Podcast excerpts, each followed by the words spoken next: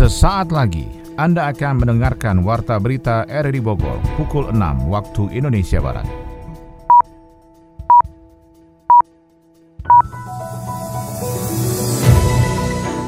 Selamat pagi, salam jumpa. Kami hadir kembali dalam Warta Berita edisi hari ini, Kamis 22 September 2022. Informasi ini juga turut disiarkan melalui audio streaming lewat RRI Play dan juga disiarkan lewat Radio Tegak Beriman Kabupaten Bogor, Jawa Barat dan Anda bisa akses di Spotify RRI Bogor.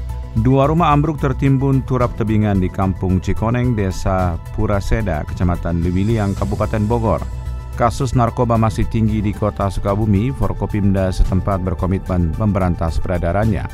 Pemkot dan Pemkap Bogor memperingati Hari Perhubungan Nasional dengan berbagai kegiatan. Saya Maulana Starto, inilah Warta Berita selengkapnya.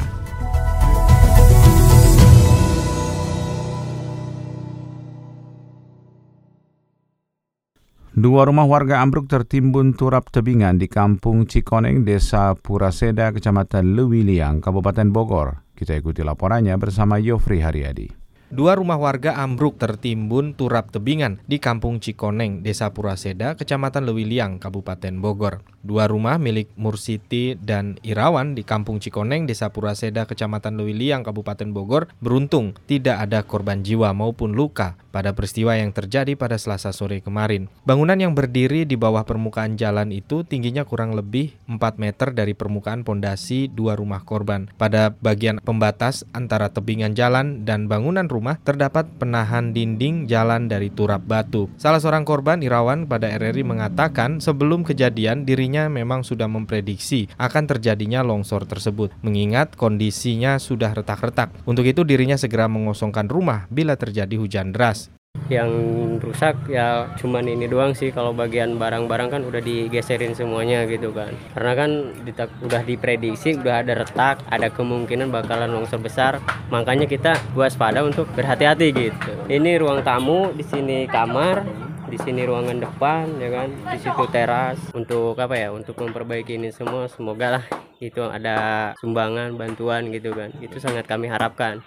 Karena pembongkaran ini kami lakukan bukan karena kami punya modal. Kami menjaga untuk keselamatan warga semua sebelum terjadi longsoran besar sebelumnya ternyata juga telah terjadi longsoran kecil pada dinding turap penahan tebingan jalan. Kondisi ini jadi pertanda akan ancaman longsor yang lebih besar. Di lokasi kejadian, Sekretaris Desa Puraseda, Kecamatan Lewiliang, Asep Ruhiat mengatakan longsornya tebingan diakibatkan intensitas hujan yang tinggi, sehingga ambrol dan merusak dua rumah yang berdekatan di wilayah Kampung Cikoneng RT 2 RW 8 ya kemarin pasca hujan deras malam eh malam Selasa semalam habis maghrib itu jadi terjadi longsor apa eh, atas nama Ibu Mursiti ya.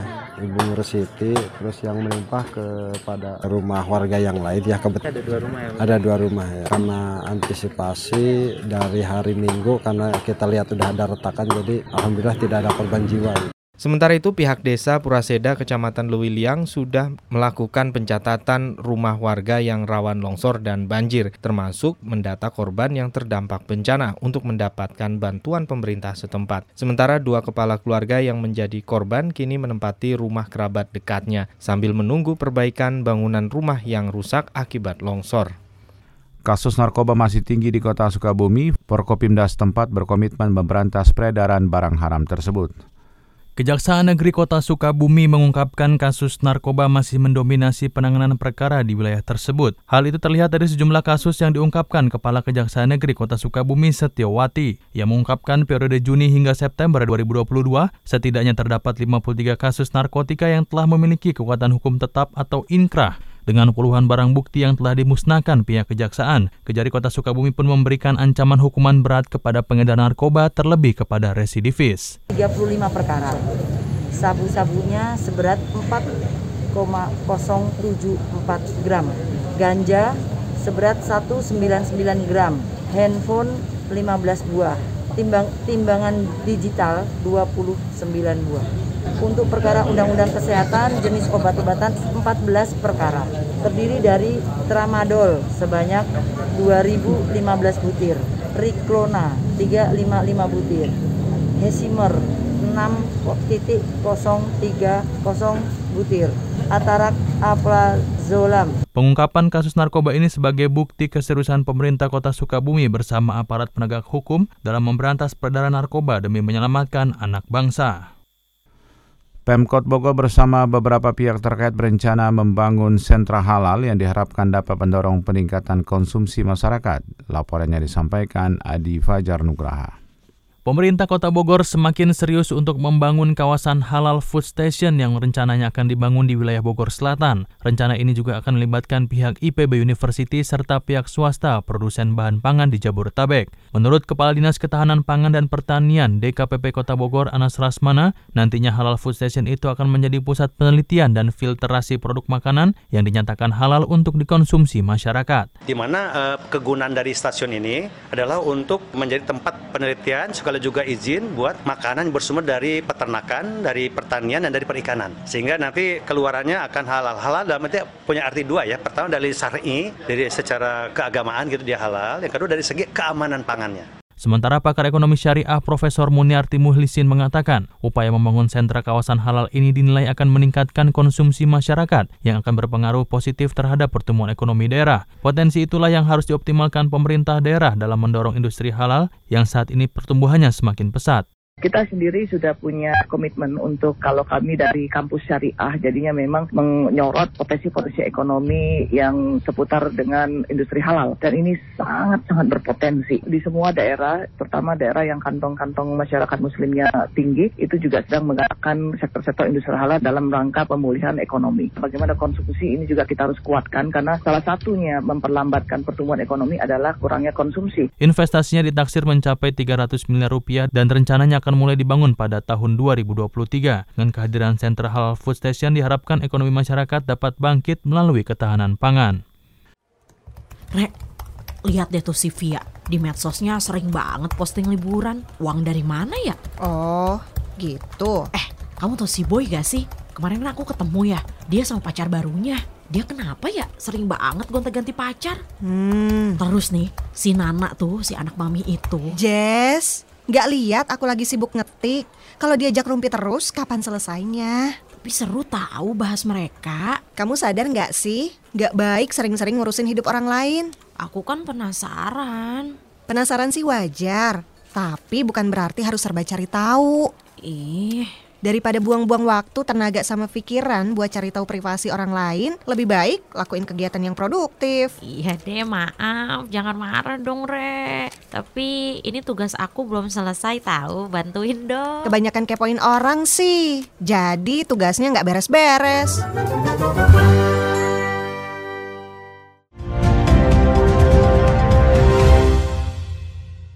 Di Kabupaten Bogor belum saatnya merealisasikan instruksi Presiden nomor 7 tahun 2022 tentang kendaraan bermotor listrik berbasis baterai sebagai kendaraan operasional perorangan, dinas atau instansi. Yofri Haryadi melaporkan.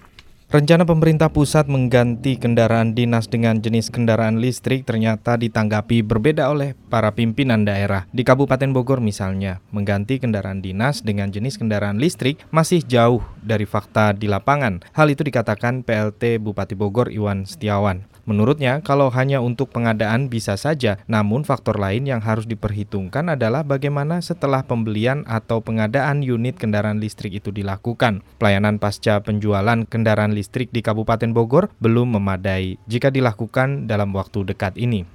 Pengisian daya atau baterai dan lain sebagainya ini harus ditunjang itu. Jadi mungkin hanya di lingkup lingkup kecil dulu bisa. Kita siapkan dulu kalau bensin kan ada pom bensinnya, ada after sales atau apa ya, spare partnya, pas movingnya, alat-alat harus kalau rusak gimana. Ini kan penting. Daya dayanya harus ada, pengisian di jalan, showroomnya dan lain sebagainya. Itu itu rangkaiannya banyak.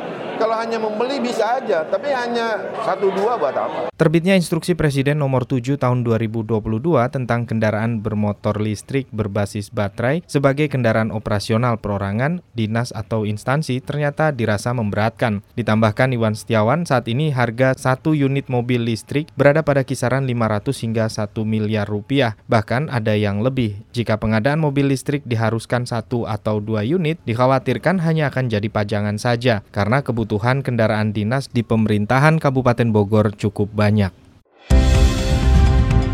Anda tengah mendengarkan Warta Berita RRI Bogor. Pemerintah Kota Bogor memperingati Hari Perhubungan Nasional dengan menciptakan model transportasi ramah lingkungan. Kita ikuti laporan Sony Agung Saputra.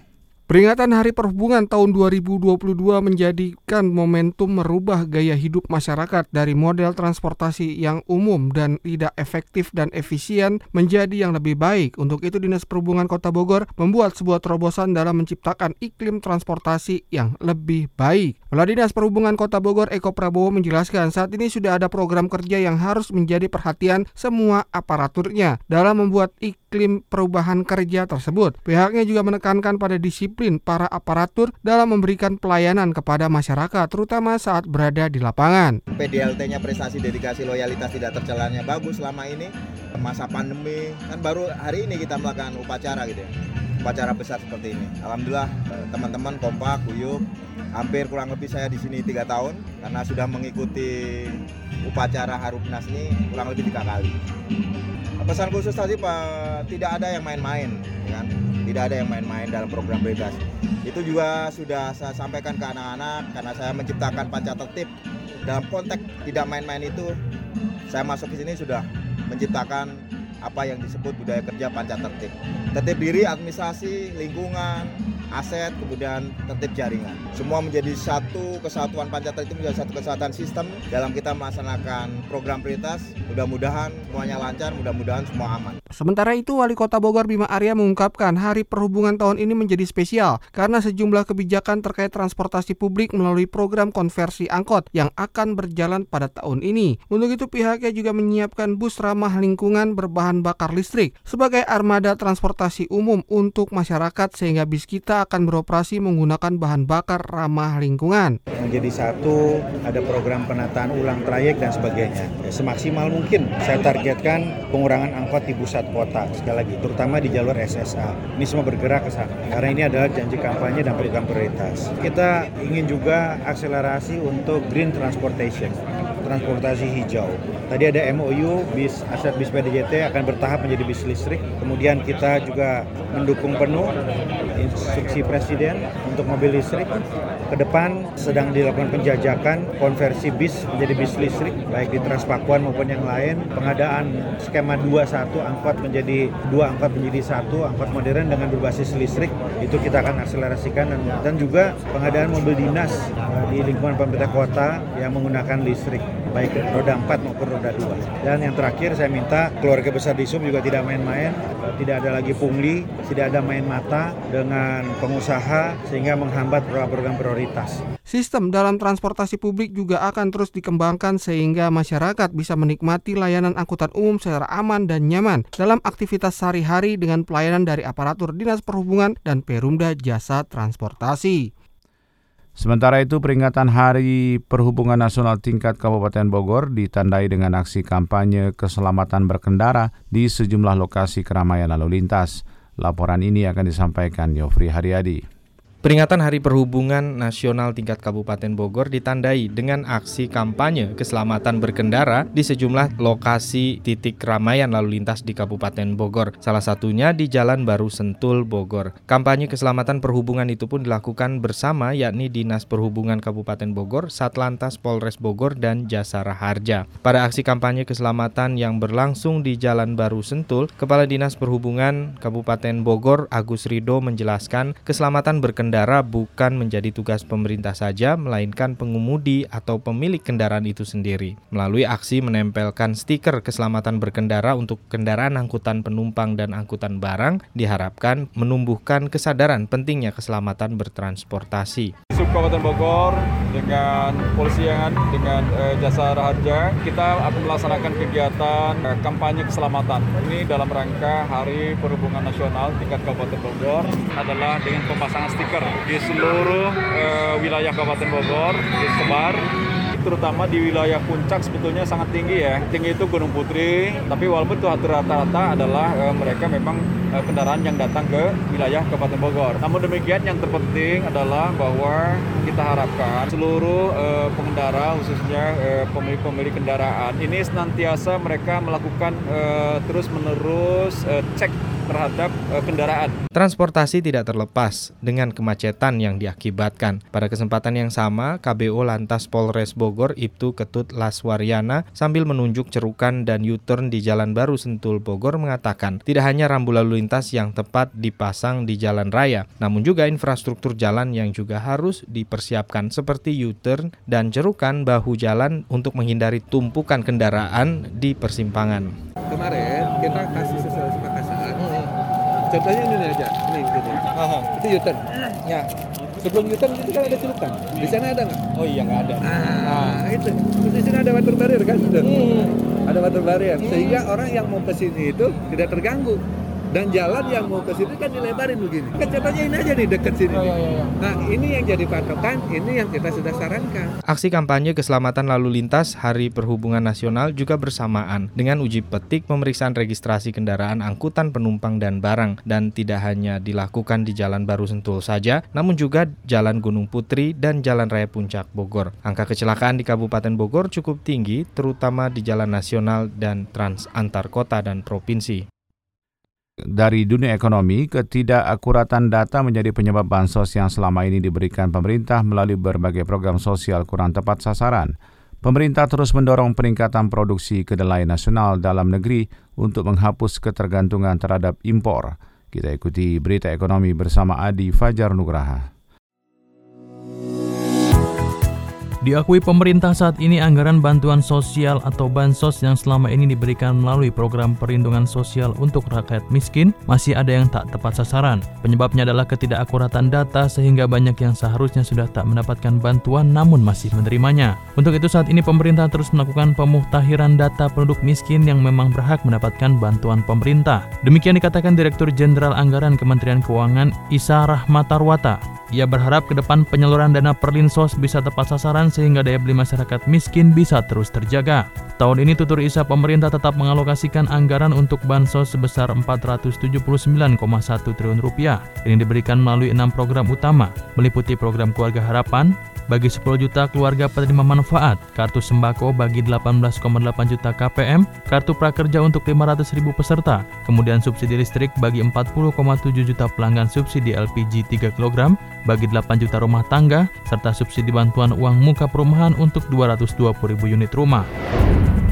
Untuk menghapus ketergantungan pengadaan komoditas kedelai terhadap impor, pemerintah terus mendorong peningkatan produksi kedelai nasional dalam negeri. Menko Perekonomian Erlangga Hartarto mengatakan Presiden Jokowi berharap kedelai tidak 100% tergantung pada impor karena dari hampir seluruh kebutuhan sebesar 2,4 juta ton, produksi nasionalnya mengalami tren menurun. Salah satu penyebabnya adalah petani enggan menanam kedelai dalam beberapa waktu terakhir dikarenakan harga yang kurang menarik. Menurut Erlangga, petani tidak dapat menanam kedelai jika harganya berada di bawah Rp10.000 per kilo karena akan kalah saing dengan harga impor dari Amerika Serikat yang hanya sebesar Rp7.700 atau bahkan lebih murah. Oleh karena itu, Badan Usaha Milik Negara atau BUMN diminta membeli dari petani dengan harga yang telah ditentukan agar petani tidak dirugikan. Untuk itu, pemerintah menyiapkan anggaran untuk perluasan lahan tanam kedelai dari yang sekarang sekitar 150.000 hektar menjadi 300.000 hektar dan akan menjadi 600.000 hektar pada tahun depan. Pemerintah juga berupaya mengejar target 1 juta hektar produksi dalam beberapa tahun ke depan. Erlangga menambahkan petani juga akan diarahkan untuk menggunakan bibit unggul yang telah direkayasa secara genetik. Dengan menggunakan bibit tersebut diharapkan produksi kedelai per hektarnya dapat melonjak beberapa kali lipat.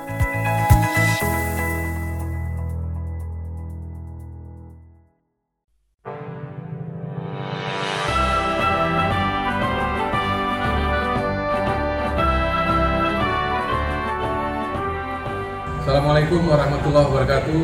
Saya AKBP Ferdi Irawan, SIK MSI Wakapolresta Bogor Kota, mengucapkan selamat Hari Radio sekaligus Hari Ulang Tahun Radio Republik Indonesia yang ke-77, tanggal 11 September.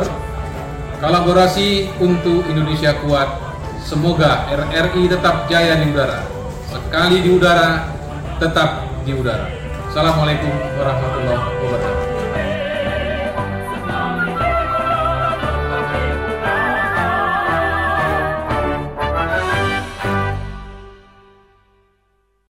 Dari dunia olahraga, kontingen Porprov Jabar ke-14 Kota Bogor dikukuhkan dengan target raihan 90 medali emas. Di usianya yang ke-72, PSB Bogor berganti logo. Kita ikuti laporan olahraga bersama Ermelinda.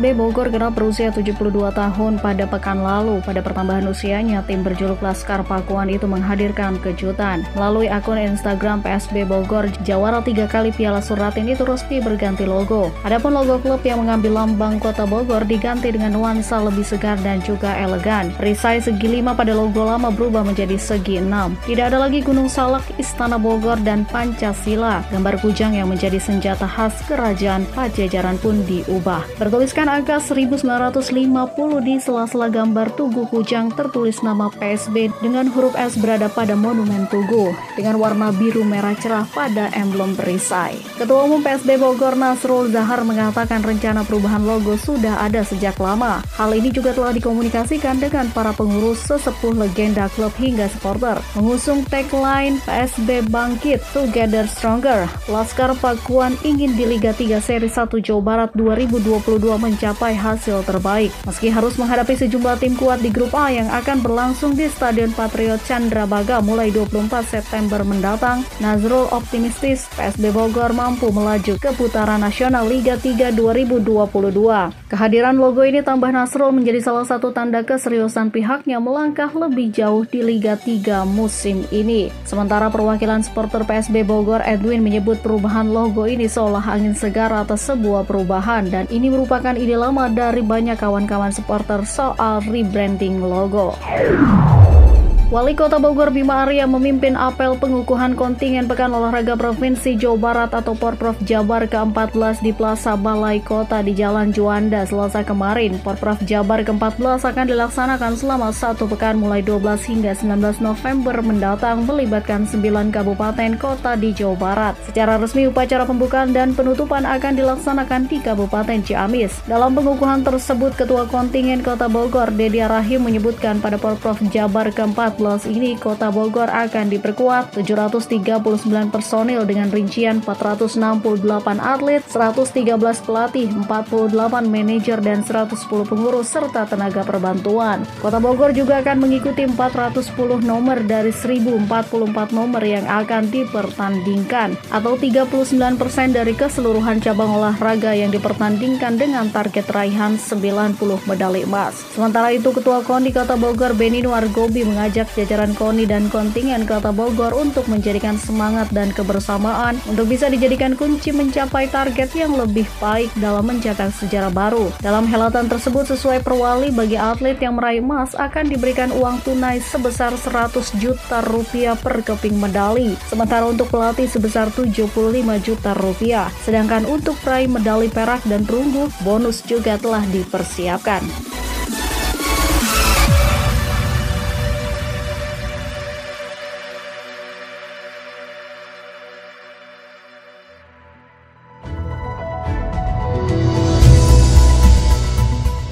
Demikian rangkaian informasi yang kami hadirkan di Warta Berita RRI Bogor pagi ini. Sebelum berpisah, kami kembali sampaikan berita utama. Dua rumah ambruk tertimbun turap tebingan di Kampung Cikoneng, Desa Puraseda, Kecamatan Liwiliang, Kabupaten Bogor. Kasus narkoba masih tinggi di kota Sukabumi, Forkopimda setempat berkomitmen memberantas peredarannya. Pemkot dan Pemkap Bogor memperingati Hari Perhubungan Nasional dengan berbagai kegiatan. Saya Molanes Narto bersama tim bertugas pada hari ini mengucapkan terima kasih atas perhatian Anda. Selamat pagi dan sampai jumpa.